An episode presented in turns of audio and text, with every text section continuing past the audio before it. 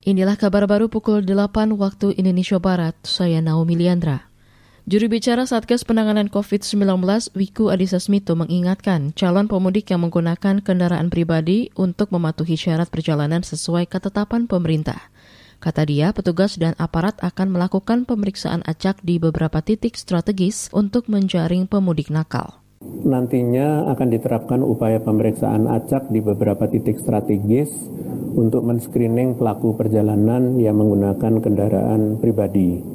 Pemeriksaan akan dilakukan pada data yang tertera berdasarkan riwayat tertular maupun vaksinasi di dalam peduli lindungi yang menunjukkan status kelayakan untuk bepergian. Sebelumnya, Satgas Penanganan COVID-19 telah menerbitkan surat edaran tentang ketentuan perjalanan orang dalam negeri pada masa pandemi COVID-19. Dalam laman resmi Satgas COVID-19, surat ini mengatur syarat terbaru untuk pelaku perjalanan dalam negeri.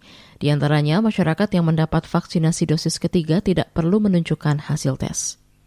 Pengadilan Tinggi Bandung baru saja menjatuhkan vonis hukuman mati kepada Heri Wirawan pemerkosa 13 santriwati di Bandung, Jawa Barat. Menanggapi putusan itu, Gubernur Jawa Barat Ridwan Kamil menyebut hukuman yang dijatuhkan sudah memenuhi rasa keadilan masyarakat.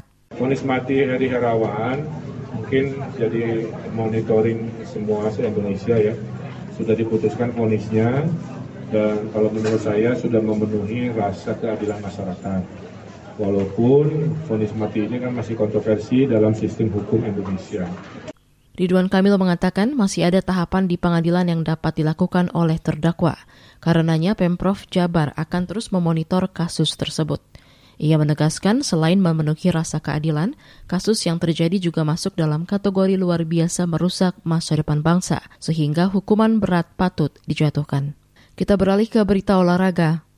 Manchester City menang atas Atletico Madrid dengan skor 1-0 dalam laga leg pertama perempat final Liga Champions di Stadion Etihad dini hari tadi. Kemenangan ini sukses dicetak dari kaki De Bruyne yang mengoyak gawang Jan Oblak. Manchester City sukses mendominasi penguasaan bola di sepanjang babak pertama. Atletico sendiri memilih lebih banyak menumpuk pemain di lini pertahanan sambil bersiaga melakukan serangan balik. Penguasaan bola Man City bahkan mencapai angka 70 persen meskipun tak ada ancaman yang benar-benar berbahaya dihasilkan. Sebaliknya, Atletico justru tak memberikan ancaman apa pun ke gawang Man City hingga laga melewati 30 menit.